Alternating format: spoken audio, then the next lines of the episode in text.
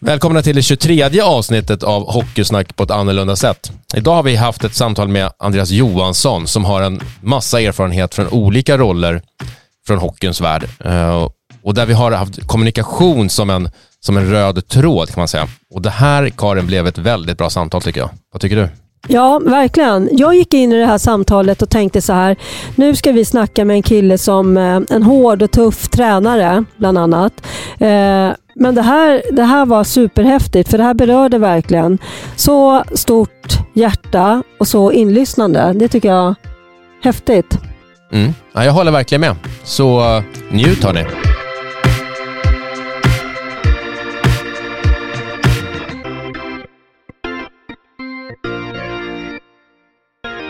Hej Andreas, välkommen till våran podd. Tack, hej! eh, idag har vi med oss Andreas Johansson i våran poddstudio och eh, det här känns jätteroligt för vi träffades ju för några veckor sedan i eh, Skövde, eller i Mariestad. Mm, stämmer, på TV-pucken. Precis. Mm. Hur var det tyckte du?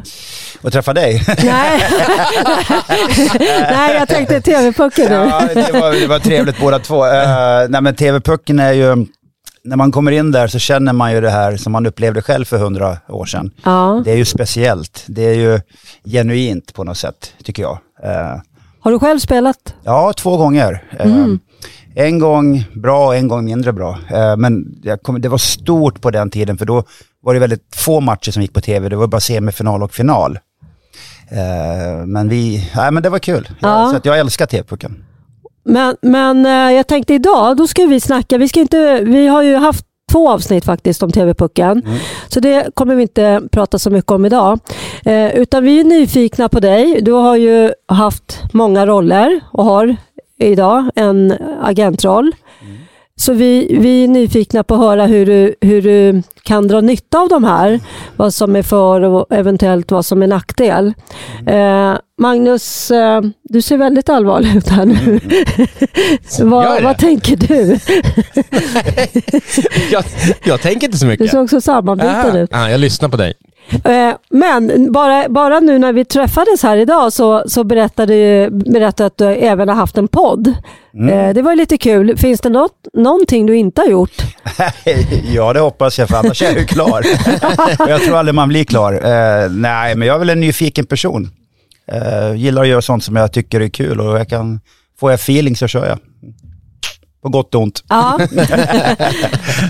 och om vi börjar med, med nutid då, var, var är du idag någonstans?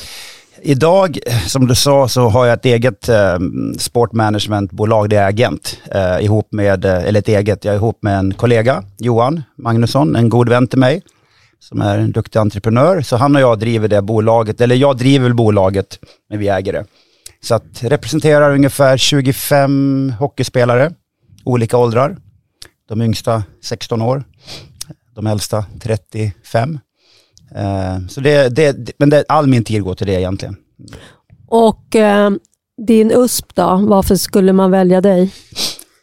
Uh, ja, det är väl det vi ska prata kanske lite om. Nej, men jag tror att jag har lärt mig väldigt mycket på en 30-årig resa som jag egentligen har jobbat professionellt med ishockey.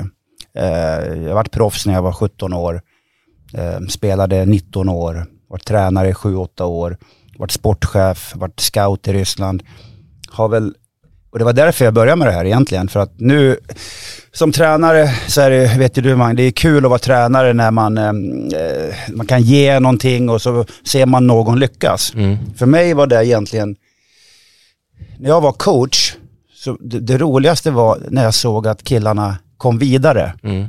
Typ, ja, nu kan vi extrem, jag coachar Kevin Fiala, William Nylander, David Pasternak nu ser man då med stjärnor i NHL, det känns ju som att man har fått hjälp till. Mm.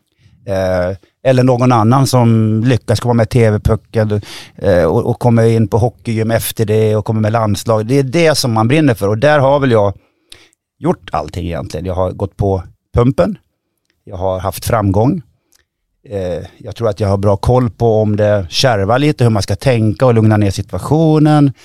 Kommunikationen som är otroligt viktig. Eh, prata med föräldrarna. Eh, jag känner att där kan jag nu sätta ihop ett paket efter alla de här åren som verkligen kan, kan ge någonting till eh, ja, killarna, vilket är, det är killar Mm. som jag Mm. representerar. Mm. Hockeyspelare. Mm. Mm. Trodde du någon gång, eller tänkte du någon gång under alla de här årens gång som spelare och tränare och, och scout och sportchef så att, att, att agenten någon gång kan bli någonting som du, fan det här skulle nog passa mig? Eller har det bara kommit nu? så fan, det här kanske man ska testa. Ja, bra fråga.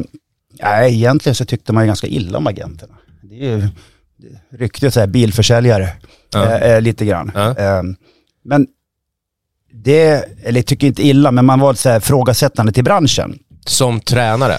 Eller Nej, som, men som hockeyspelare och spelare. tränare, man Ja. hör historier och nu går alltså så här, nu, eh, nej men det gick, min agent var väldigt kommunikativ när det gick bra, men sen gick det inget bra för mig och då, och det där, eh, eh, det var en, egentligen största anledningen till att vi började med det, jag Mm. och Johan, för vi, jag kom egentligen hem, jag var i Ryssland och jobbade där för några år sedan.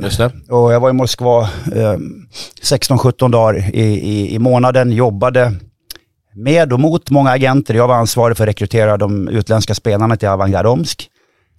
Och, och då fick jag liksom svart på vitt att shit, det finns ett hål att fylla här. Mm. Det ska jag vara ärlig och säga. Mm.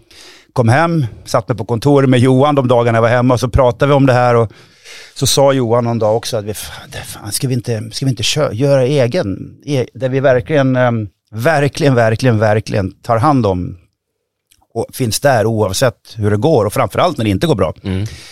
Och, och då satt vi businessplanen och sen kom coviden och då var det, då var det läge att dra igång. Ehm, så svar på din fråga, jo jag har tänkt de sista 6-7 åren, Mm. Men nu blev det verkligen läge. Mm. För att jag ser mig inte som en agent egentligen, jag ser mig mer som en mentor och coach. Mm.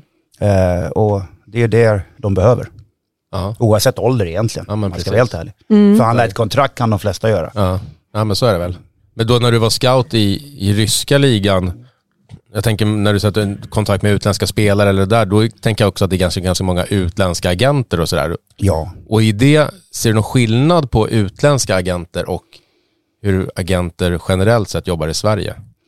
Ehm, det är lite annorlunda i, i Ryssland. Ryssland är ju en hård miljö överhuvudtaget. Den Eh, bilden har man ju. Ja, Ja. och eh, ja, men jag ska säga också det att alltså, jag känner ju de flesta svenska agenterna. Det är ju bra människor. Så, Alltså, Mm. det är ju inte det. Är inte det utan, för, men vi tyckte att det går att göra mer Mm. för- utifrån min egen upplevelse. Och då hade jag ändå en bra agent mina sista 18 år. Eh, så- ja, men, jag, Ja. Vi, men vi hade en väldigt bra relation och jag fick väl det jag behövde. Men ambitionen är hög, och, men i Ryssland är det ju så här att det skjuter från höften lite grann. Det får du hela tiden kolla över axeln. Va? Eh, det går inte att komma in där som svensk agent till exempel. Jag kan aldrig bli agent i Ryssland. Jag får inte Okej, det. mm. Om inte jag gifter mig med en ryska och flyttar dit. kan jag i och för sig göra, men, men eh, det är ju mm, tufft där. Där är det svårt att komma in. Mm. Sverige är lite mer, ja men det, det är annorlunda, eh, lite, ah, det är en tuff bransch är det, för det är så många agenter och det är ett litet problem kanske. Mm. Ja, det blir ju fler och fler ju. Mm, ja, Ja, det det är blir. det-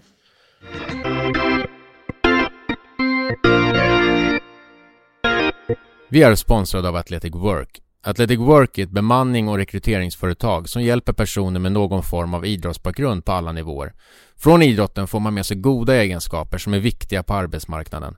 Viljan att vara bäst och prestera sitt yttersta på tävlingsplanen, som på arbetet, är det mål som Athletic Work och deras konsulter strävar efter. Athletic Works vision är att skapa ett idrottslag på arbetsmarknaden. Det har idag hjälpt flera personer ut på arbetsmarknaden och av egna erfarenheter vet jag att kontakt med Athletic Work faktiskt leder till jobb. Så om du letar efter ett nytt jobb, tveka inte att höra av dig på www.athleticwork.se. Tack Athletic Work!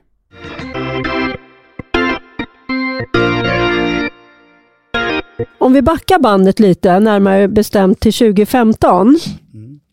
Då, eh, för, för du sa ju själv det här med att du drar nytta av både framgångar och, och att du har gått på pumpen. Och då, nu kommer jag in lite på det här med kommunikation. Mm. Och då, då eh, var det eh, 13 artiklar om, om eh, när du var tränare i HV. Mm. Och då blev du anställd på, på eh, att du hade en stark personlighet och att du liksom var väldigt, eh, ja, du som ledare och ja, det du stod, ja. Och sen blev du också avskedad eller fick gå på samma grunder, mm. eller samma egenskaper ska man säga. Eh, och då använder man ju så väldigt starka ord, att du är passionerad, du är hård och tuff tränare. Mm. Och så ställde man det här emot då eh, en Johan Davidsson som beskrevs som en ikon inom klubben, så att det blev liksom eh, ja, det här var en mediegrej, att man ville skapa den här, de här motsättningarna kan man väl säga. Mm. Och så HV, att det var en klubb som var ganska rörig och sådär. Men, och så tänker jag på, det var ju en incident där eh, när du ritade på en tavla, en taktiktavla. Mm. Kommer du ihåg det här? Vet du vad jag är ute efter? Jag vet exakt. Vill du berätta? Eller ska... Ja, det, det, det, var inte jag som hade ritat, men det var, ja exakt. Ja, ja men då fortsätter jag bara hur jag... Du menar de här ringarna ja, och, och, röda, röda och gröna och precis. gula gubbar? Ja. Och, då, och då blev ju det här som att, eh, om Magnus och jag eh, ser det här som är bara utifrån, eh, så tror ju vi, men jädrar Andreas, det där är ju hårt det du håller på med. Det här är ju någon slags eh, vad är det här? Är det mobbing eller mm. vad hade de mer kallat det? Eh, utfrysning av spelare. Mm. Och så visade det sig att så var det ju inte. Du hade ju en coach till det här. Eh, om du tar vid därifrån och berättar oh, hur... Ja, om den grejen. för det första så är det rätt kul för idag hjälper jag HV med spelare och, och, ja. och prata med de här människorna, ja. vilket är härligt. Eh, allting läggs eh, åt sidan. Eh, nej men, så här var det, om vi tar den incidenten. Ja. När man jobbar som coach eller företagsledare så ser man ju över sitt lag. Och när det sitter då coacher på professionell nivå, jag, Fredrik Olausson, Fredrik Stillman och bolagstränarna i våra tränarrum. Då gör ju vi analyser på spelarna. Då kan man ju säga liksom, äh, fan, vet, han, är, han har ingen bra attityd nu. Liksom, nu, nu gnäller han mycket och han springer och sprider dålig. Så vi gjorde bara, förenklade det via ett redskap vi hade fått av en, en kille som coachar i näringslivet, som har coachat stora företag. Ja. Det använde vi internt. Var det Bengt Wiström? Yes, ja. så vi använde ju det verktyget internt och så fick ju då William som målvaktstränare, Larsson, Stillman och jag fick ju vi säga vilka, vilka, vilka är de gröna gubbarna? De gröna gubbarna det är de som men, alltid kommer att ge energi, tar ingen energi. De, de eh, bygger andra. De, eh, ja, men det, är, det är en riktigt bra person. Den, den, och så finns den här orangea som är, finns i alla lag, en följare eh, som hoppar på, kanske hoppar på den röda om den är stark nog att dra åt sig den, eller den gröna. Mm. Den, den, sen har du den här som röda som jobbar stenhårt om det gynnar honom. Mm. Lite ego, egoist och sådär och kanske stör gruppen. Så vi gjorde bara en analys på hur laget såg ut. Sen försöker man ju, och det gjorde vi också, rätta till det där. Men det där skulle ju aldrig killarna i laget se. Men Nej. någon bröt sig in på vårt kontor, tog den där tavlan, mm. Aha. Då var jag på semester, det var inte ens jag som hade ringat in det där. Eh, och eh, då låg den så här och då tog man den, tog de en bild på den och så vart det en grej utav det. Eh, så att, och flera av de här killarna hade fått reda på så här, att vi tyckte att de var röda, så det var egentligen mm. ingen hemlighet. Nej. Och det är ju, det är alltså, det fanns ju ingen, ju ingen mening att, att någon skulle bli kränkt eller liksom, det Men det där är inget konstigt, det där gör man ju. Det där gör man. Ja. Sen var det då jätteolyckligt att den här personen, som jag vet vem det är, som jag faktiskt hade kunnat anmält, bröt sig in på kontoret, tog en bild på tavlan, skickade ut den i, i den digitala världen. Mm. Eh, då var jag i Spanien faktiskt, kommer jag ihåg. Då kom det en bild faktiskt från en lagkamrat, eller en, en kille i laget. Varför är jag röd? Eh, liksom, så här, då fick jag ringa honom och förklara eh, hur det var. Men mm. då var redan soppan igång. Så det var fruktansvärt tråkig tid. Mm. Um, uh, men uh, det var då. Men, men, men eh, också vad, vad tufft för, eh, det här har vi pratat om förut lite då och då, så där med, alltså som tränare är man väldigt utsatt sådär. Mm. Men, men eh, du har ju varit det väldigt mycket för att du också har varit väldigt tydlig, som jag förstår, med vad du vill och vad, vad du förväntar av andra och vad andra kan förväntas av dig. Ja, den Eller? gången blev jag headhuntad utav styrelsen i HV71 som var trött på slappt ledarskap, mm. trött på att spelarna styrde klubben. Mm. Trött på att man inte tränade sommarträning, trött på att man kom tia i tabellen. Mm. Jag hade ett jättebra jobb ute i Södertälje. Jag hade haft bara, jag tog över Södertälje vid jul, de låg sist i allsvenskan. Det var mitt första headcoachjobb. Okej, mitt sätt att göra funkade. Vi, och de erbjöd mig tre år i Södertälje och stanna kvar. Kanske skulle ha gjort det med facit i handen. Men, men så kom ju HV, storklubb, då vart jag ju sugen. Och jag gjorde ju alla de här förändringarna som styrelsen ville ha. Men, allt, Men ni kom ju femma. Ja, men Det gick ju alltså, bra.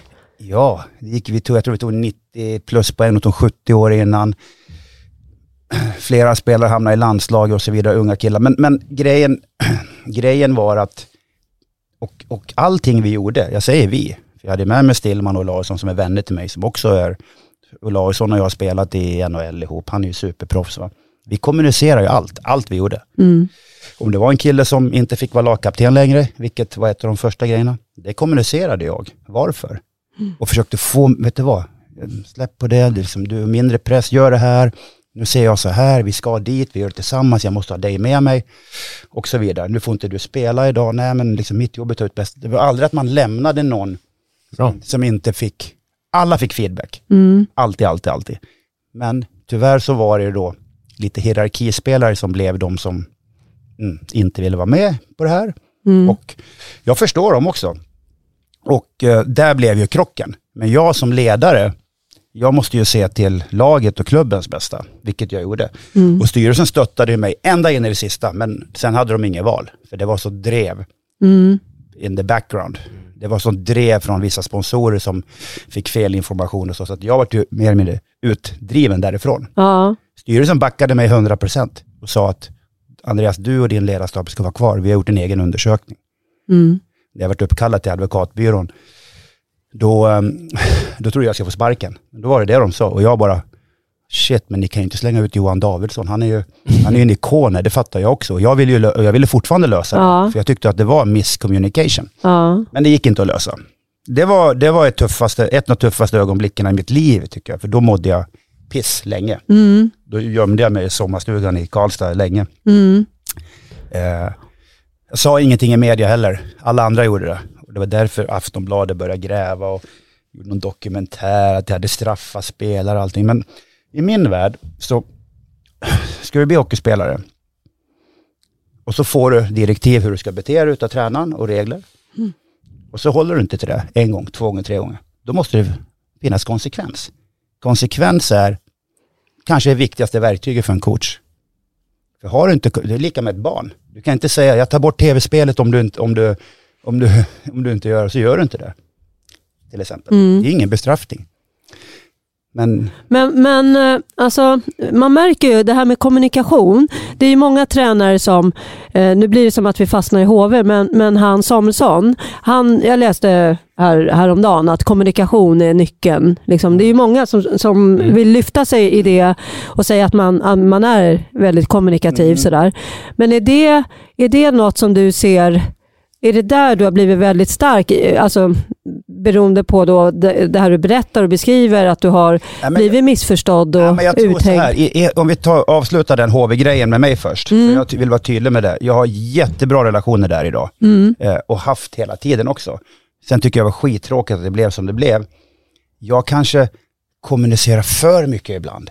Jag kanske öppnar upp mig för mycket ibland. Och så drar man nytta av det. Det kan Ja. jag ångra lite grann. Mot spelare eller mot men jag, så här, alltså, jag kan media? sitta och prata med, nej, med spelare, media också. Det är sån jag är. Ja, Jag, en hammare är en hammare för mig.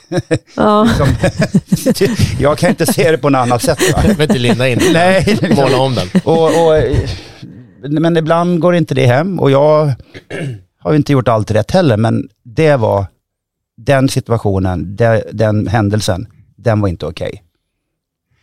Men eh, svar på din fråga, eh, många pratar om kommunikation och att det är A och O. Sen är det, eh, vad är kommunikation egentligen? Jag, återigen, jag tycker att det är att man, man säger som man upplever det och som man tycker att det är. Till exempel om man har en, om man har, det värsta jag visste när jag var spelare, och det här började egentligen, eller så här var det jämt, men när jag blev proffs i Färjestad första året, tror jag satt, utav 36, det var ju bara 36 matcher på den tiden i elitserien som det hette, jag tror jag satt på bänken 34 av dem. Eh, jag menar 17-18 år, så det är inte konstigt med det. Men jag fick ju aldrig höra varför. Eh, sen kom jag till NHL, eh, mitt första år, då fick jag bara skäll. Eh, Så då fick jag höra varför. Men sen när jag kom till Pittsburgh eh, och spelade med Lemieux och Jagr och dem, jag förstod ju min hierarki. Men sen fick jag inte spela typ så här på tre månader mer eller mindre. Men jag fick aldrig höra varför. Och det spelar ingen roll att jag är proffs och tjänar mycket pengar. Eller någonting. Man, vill ju, alltså, man, man förstår ju inte vad problemet är. Och då, då kommer man till det här, unga spelare. Mm. Alltså om du kan förstöra en karriär eh, för en ung spelare om den inte får feedback. Sen finns det ett annat problem om man vänder på det. Om man ska försvara eh, ledarna lite idag. Många idag förstår inte skillnad på feedback och kritik. Så fort de får feedback tror de att de är kritiserade. Och det är ledarens, Mm. där blir ledaren lite, vad fan ska jag göra nu? Men du är lite att man tassar på tå, man kan inte säga för mycket eller vara tassa för tydlig. Där tror jag att många ledare blir lite fega. Men, men personligen så tycker jag så här att, okej Kalle, du ska inte spela ikväll. Eh, anledningen har du här. Vi tittar på de här videoklippen ihop. Du, du gör, liksom här har du inte backcheckat, du har tappat pucken fyra, fem gånger nu i anfallszon och du jobbar inte hem och nu är det ett mönster och jag har sett det här komma, din energi är låg. Eh, så att nu kör du extra på gymmet, sätter dig på läktaren ikväll, kollar på matchen. Vi går igenom lite video imorgon igen. Sen kommer du att spela snart igen. Men det är det här du behöver göra. Det kan ingen ifrågasätta. Man kan, behöver inte hålla med. Nej. kan aldrig ifrågasätta Nej, det är ju kommunikationen då. superbra. Och det är så enkelt. Men, men där är det ju också så här om vi tar att inte säga någonting.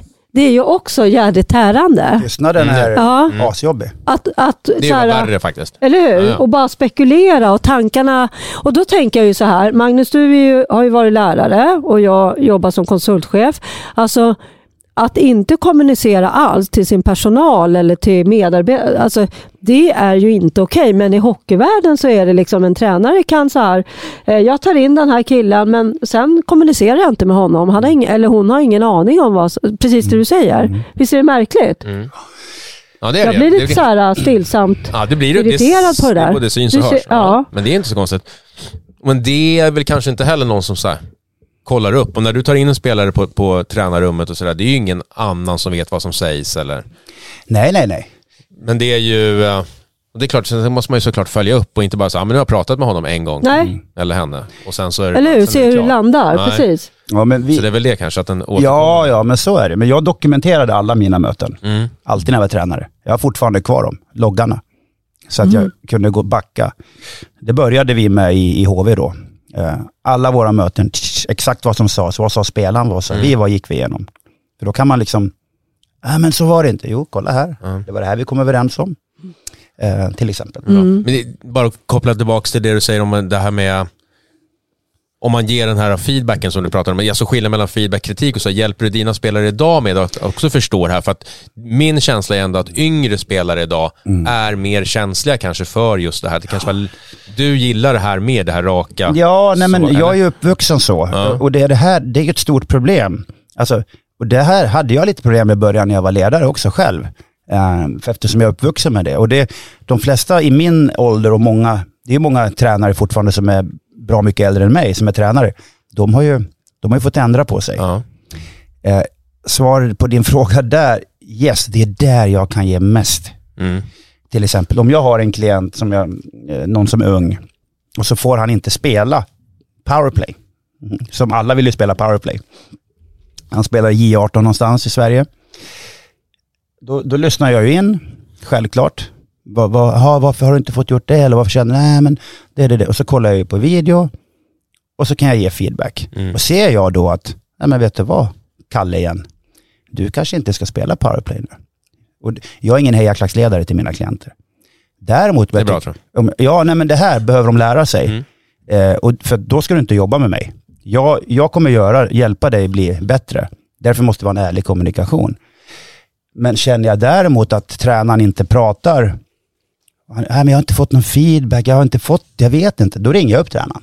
Och så tar vi en diskussion om det.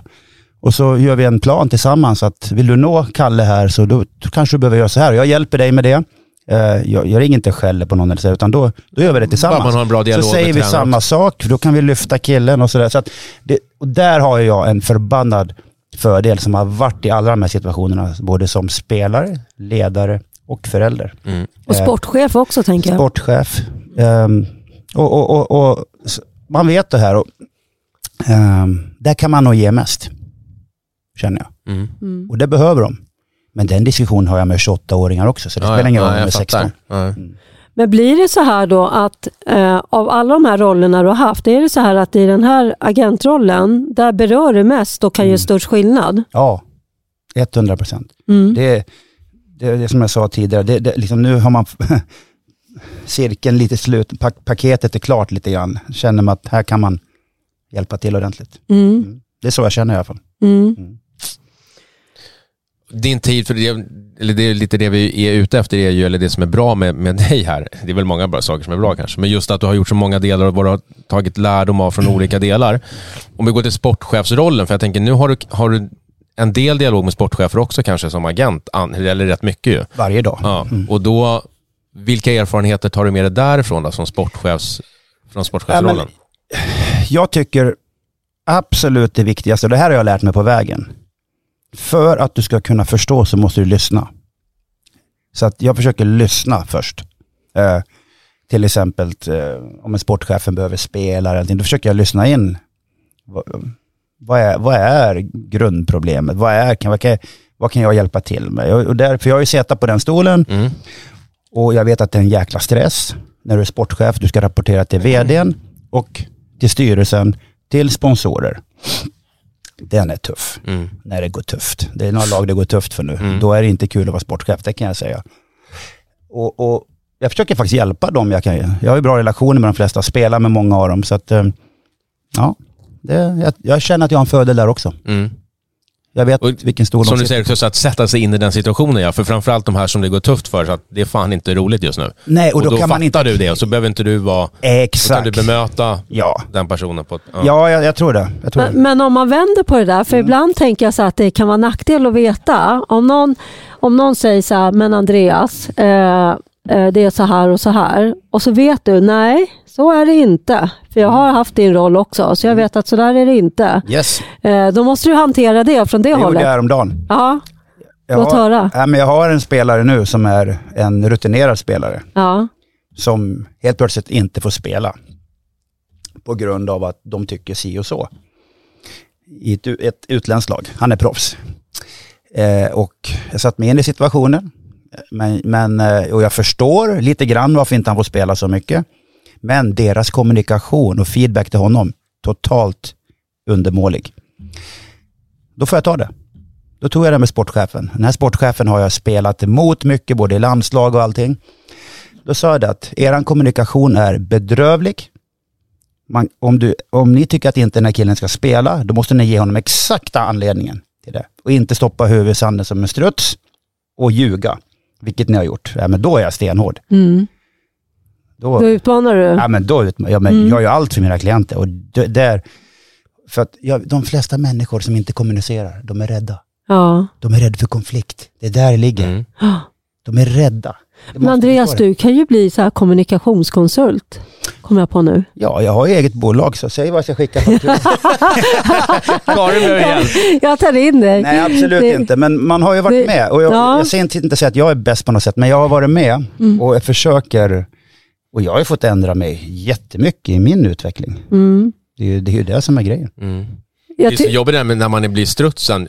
Jag fattar ju att man gör det för att ja, det är obekvämt att hamna i vissa situationer Mm. och ta vissa samtal. Samtidigt är det ju också jobbigt att inte ta samtalet, att gå och möta den här spelaren varje dag.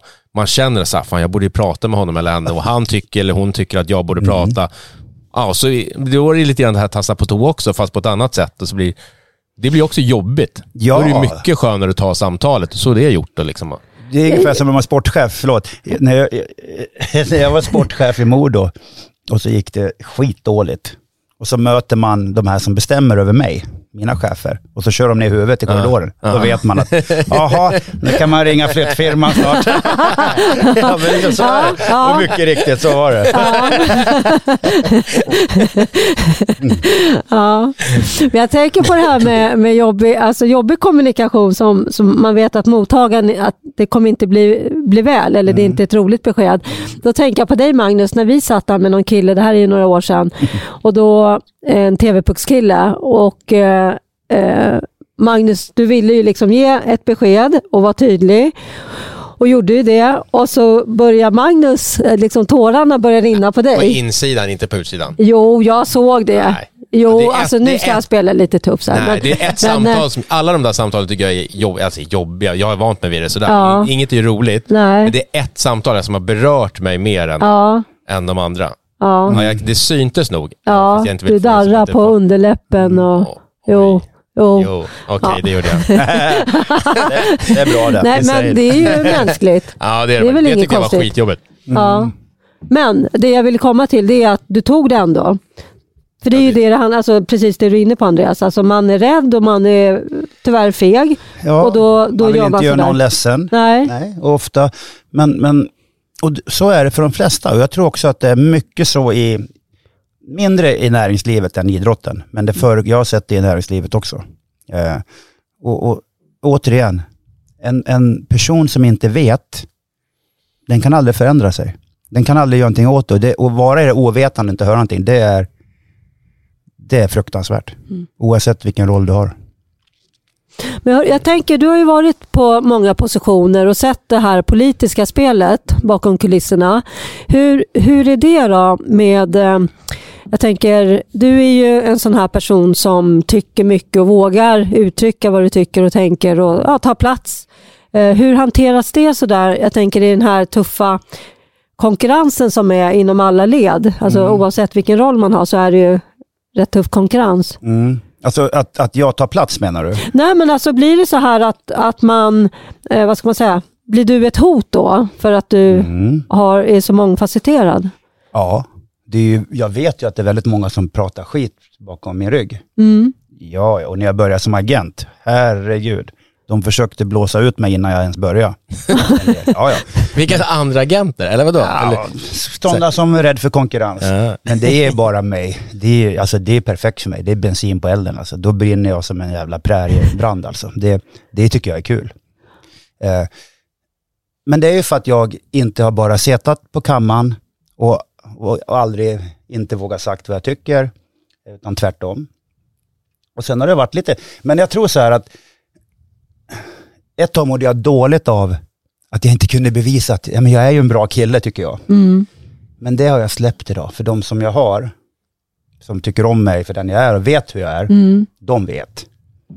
Sen, har, sen har jag gjort saker kanske som jag har gjort annorlunda i min led, ledarskap, alltså, när det har brunnit till. Så här. Det är klart att så är det ju, men Mm. har alltid kommunicerat oavsett. Mm. Men fått många motståndare, absolut. Och jag vet vilka som pratar skit idag, även gamla vänner eller vilka det är. Det, man vet. Idag är man ju lite äldre, så man, men det, det rör mig inte i ryggen idag. Nej. Jag har en stark, otroligt stark kedja människor runt mig. Så den tryggheten du, eller eh, vad ska man säga, det har du omvandlat till trygghet och det kan du också förmedla då i... Jag, jag tycker det. Mm. Jag tycker det. Eh, och det är i alla fall så vi, vi jobbar och jag jobbar. Mm. Eh, eh, försöker vara... Eh, ja, men det är många som kanske tittar på mig och säger att det finns ingen trygghet för han, för han har gjort så mycket.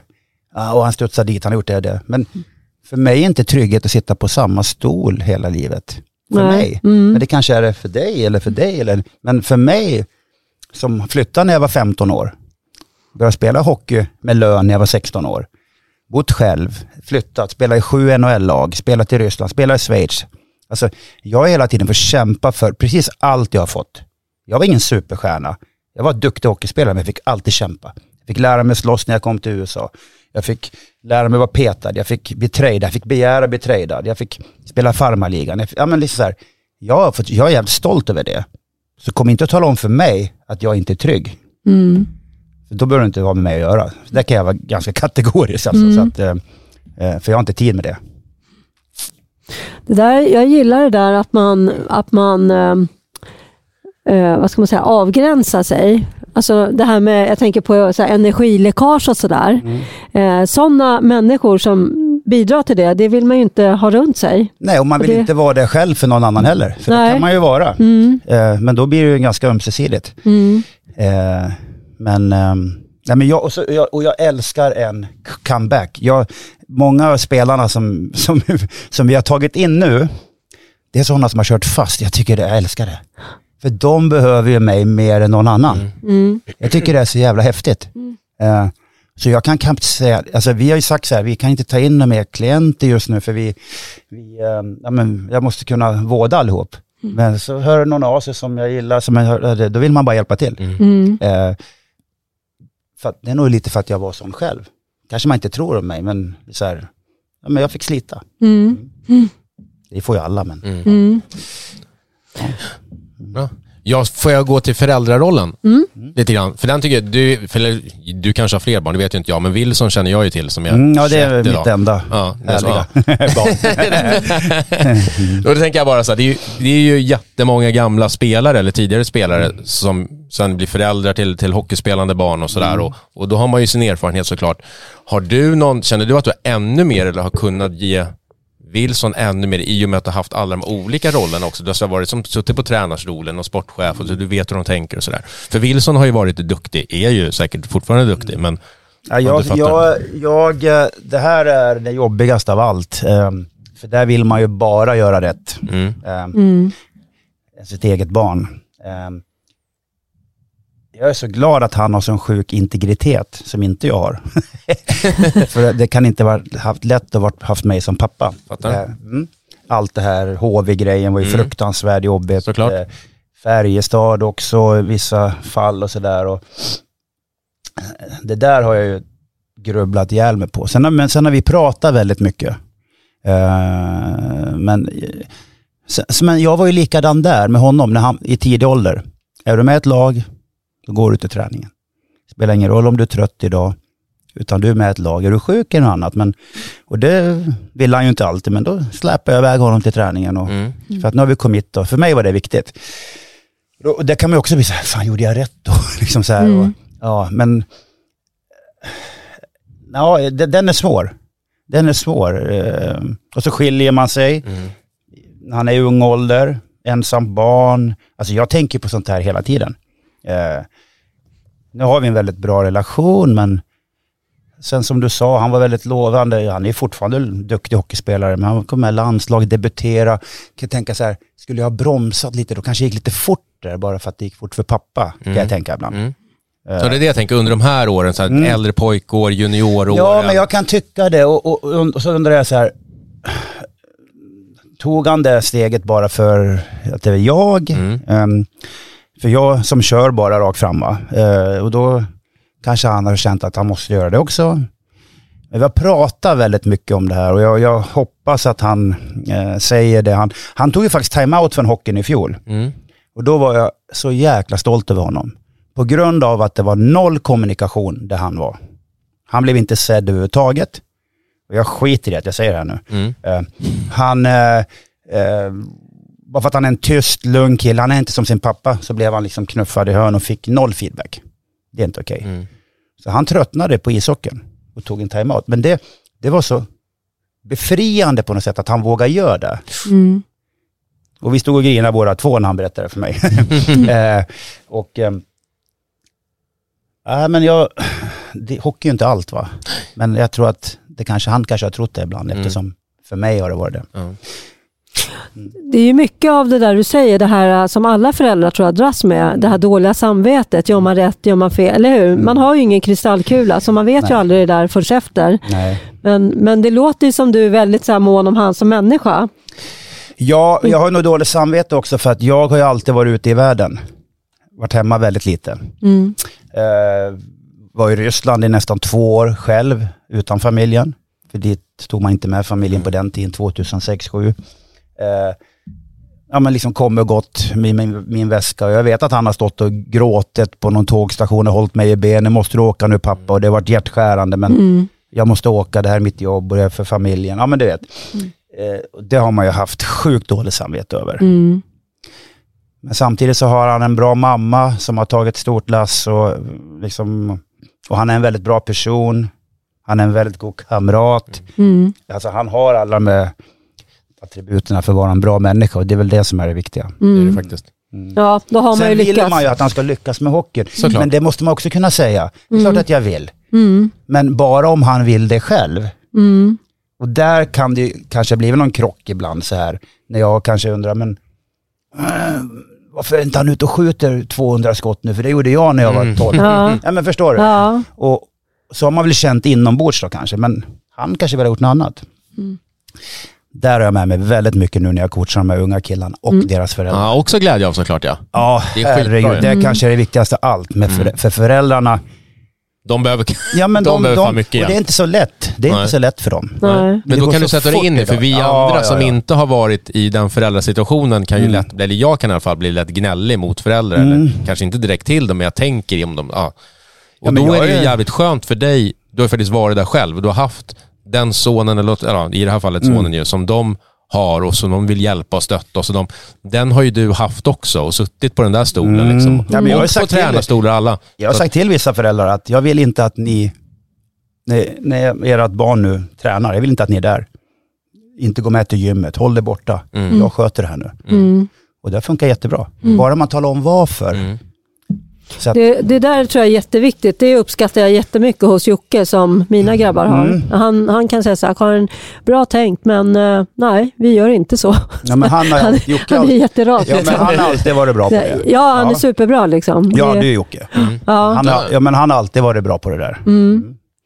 Och det, återigen, det där är viktigt. Mm. Vi bara hoppa tillbaka Andreas, till där du berättade hur Wilson hade det innan han tog timeouten. Mm. Bara sätta mig så här, ur tränarperspektivet att en sån typ av spelare eller person som Wilson då verkar vara, som inte skriker högt när inte han får spela. Eller så här. Där är det så jäkla lätt. Det kände jag själv som tränare. Jag hoppas verkligen inte att jag är där idag, men Mm. jag har garanterat varit där för massa år sedan. Där man känner så här, fan va, men Wilson, honom skiter jag snacka i. För att det, det snacket behöver jag inte ta, det där jobbiga snacket. För han kommer ändå inte låta eller skrika. Han kommer, ja, han kommer komma hit och så är det tyst och lugnt och skönt i alla fall. Och det, det är ju bara egentligen, att jag tar upp det är väl bara en megaskicklig tränare, att verkligen se de här också. Att inte se, göra skillnad på om det är någon som skriker högt eller inte. Liksom. Jag håller med dig och jag tror att vi alla som har varit ledare, tränare, har varit där någon gång. Eh, Den, men den är viktigast. Mm. Den är viktigast av allt. Eh, och, och, um, man får inte, man får inte, man får inte glöm, glömma någon och så får man inte, alltså, ja, det här har jag sett med Wilson, nu pratar jag om min egen son, men så mycket i hans hockeykarriär att han har blivit, för att han inte har de vassaste armbågarna Nej. utanför isen. Mm. Det, alla är olika. Ja. Mm. Den har varit jättesvår för mig. Och så har ju inte jag kunnat gå in och peta i det, för nu kommer Andreas Johansson och petar i det. Va? Ja. Bla, bla, och då Ja. blir det kaos. Va? Mm. Den har ätit upp mig totalt. Ja. Men, men jag tänker det här med din papparoll då. Når du fram, nådde du fram när det var som tuffast? För, för det är ändå skillnad. Alltså det, vi pratar om det här vad agenten säger kontra Mm. vad föräldern säger. Men hur blev det där? Fast du har liksom en sån erfarenhet och allt det här i ryggen. Kunde Wilson lyssna på dig då som pappa eller När det var så tuffast för honom. ja, med dina jo, råd? vi, jo, men vi släppte, då, då hamnade det ju på en, nu ska jag inte, han vet inte ens om att jag sitter och pratar om det här nu, så han kanske blir jättearg på mig nu. Men, men, eh, nej men det handlade ju inte om kanske ishockeyn i sig då, utan då får man ju gå, då, får man ju, nu pratar jag om att livet, Mm. må bra, älska det man gör. Eh, hur allvarligt är det med hockeyn egentligen? Ja, för mig var det det när jag växte upp. Men det behöver ju inte vara så för han bara för det. Jag växte upp i Hofors, jag såg bara två alternativ. OVAC stålverk eller NHL. Men, och jag visste det att jag inte ville vara. för jag sommarjobbade i murarverkstaden en gång där Så nere. bara, Så- ja, ja, det får väl bli Ja. NHL då. Ja, men typ så. Och han har ju vuxit upp på ett annat sätt. Eh, haft det ganska bra så här och kanske man kan tycka och sådär.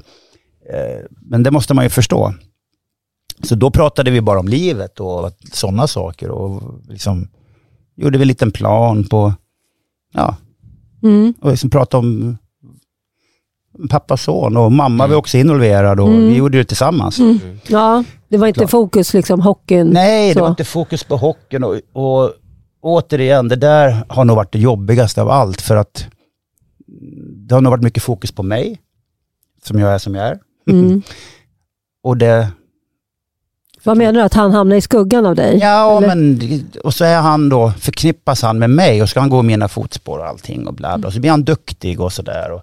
Det är klart, återigen, leva upp till det. Och det, det tror jag då, många barn, oavsett om pappan och mamman har varit duktiga, så vill man ju alltid som barn, vilka vill man ha bekräftelse av? Dina Mm. föräldrar.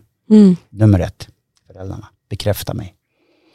Och det, Kanske man ska bekräfta att de bara är en bra person. Att de sköter skolan framför allt. Mm. Eh, att de är en schysst kompis. Eh, jag tror att det kan bli mycket så här hockey, hockey, hockey. Det har jag tänkt väldigt mycket på. Ja, Och det har vi pratat väldigt mycket om, vilket är skönt. och jag tänker på en annan sak där som du sa. Det här med, jag tänker på moral. Alltså du sa så här, du fick dra han till vissa träningar för att liksom, så är ju barn. Eh, Och där tänker jag så här, det är ju så himla bra det där, för det är ju viktigt i alltså vad man än gör. Och I arbetslivet, i skolan. Alltså man går ju inte, man går ju inte när man har lust. Ibland är det ju inte kul, men det här kan ju bli så himla känsligt när det kommer i det här sammanhanget som träning, eller en idrott då. Eller hur? Då kan det ju bli så här, eh, men Andreas, det där är ju... Är ni med på vad jag menar? Ja, ja, ja. ja. Eh. Men alltså idrotta och träna mycket och så, det kan vara jäkligt fult. Precis, men om du, om du ger Wilson eller jag ger, eh, alltså vem som helst ger någon läxhjälp, då är det så här, bra Andreas, Ja, bra, ja, det där ja. har du koll på. Är jag med. Men det, där är trän- Sverige, det där är Sverige alltså. Det där är Sverige. Alltså. Det där, Ja, det är så, du ja, tycker? men det där är bullshit. Mm. Det där köper jag inte alls. Har du committat dig till, signat upp dig för någonting, om du inte får lära dig i tidig ålder, att då har du ett ansvar. Mm. Mot dig själv, mot din tränare, mot dina lagkamrater, mot sporten. Det måste du lära dig tidigt. Det fick jag lära mig väldigt tidigt. Mm. Du, jag kom för sent en gång ja.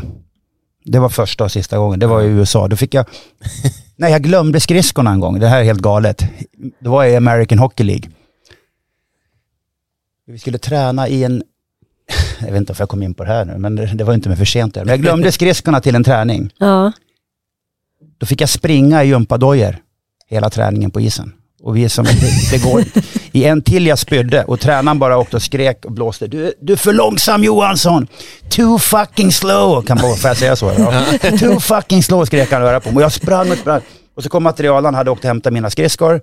Då slog han bara ner dem så här, så de hamnade i båset. He's fucking running today. Jag sprang en timme där. Nu snackar vi konsekvenser, som vi Ja. ja. förut. Glömde jag någonting sen? Nej du, herregud. Det kanske var lite väl hårt, men Ja. Och jag tror det där med att signa upp för någonting, då är du där. Mm. Det måste man lära sig. Och ett barn, eller en människa är ju bekväm, vi tar ju den bekväma vägen om vi får.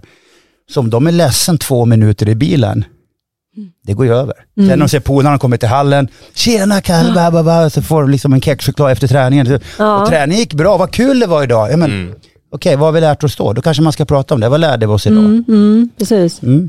Och det där följer en ju liksom i arbetslivet och, Ja, ja, och vad man än gör sen. Liksom. Så Absolut. den är ju... Komma för sent, det är också en sån här sak som, det gör man inte. Nej. Då tar ju jag din tid. Jag kom för sent en gång eh, till, jag var ju vuxen då och pluggade i Uppsala och den läraren han låste alltid dörren Mm. eh, så man verkligen skulle känna att man var för sen. det var också så här ruggigt genant så det gjorde man en gång. Sen, Ja, konsekvent. ja, precis. Ja, Ja, ja. Nej då, men det är väl... Det finns mycket. Jaha, snyggt. Börjar vi närma oss Karin? Ja, alltså vi har ju en eh, slutfråga Det har vi ju såklart. Eh, och den har ju du fått fundera på, Andreas. Och den är ju som så att eh, har du något eh, tips på något ämne eller någon person som du tycker att vi bör ta upp här i podden? Mm. Jag tänkte på den. Och det är klart det kommer många personer, ämnen. Men det jag skulle, som jag tror att, jag, när jag gick hit idag, då tänkte jag så här. Vad är det viktigaste? Ja men kanske ska sitta två ungdomar här. Som får de här frågorna som jag har fått idag. Vad är viktigt för dem? För det är ändå dem vi ska coacha och leda.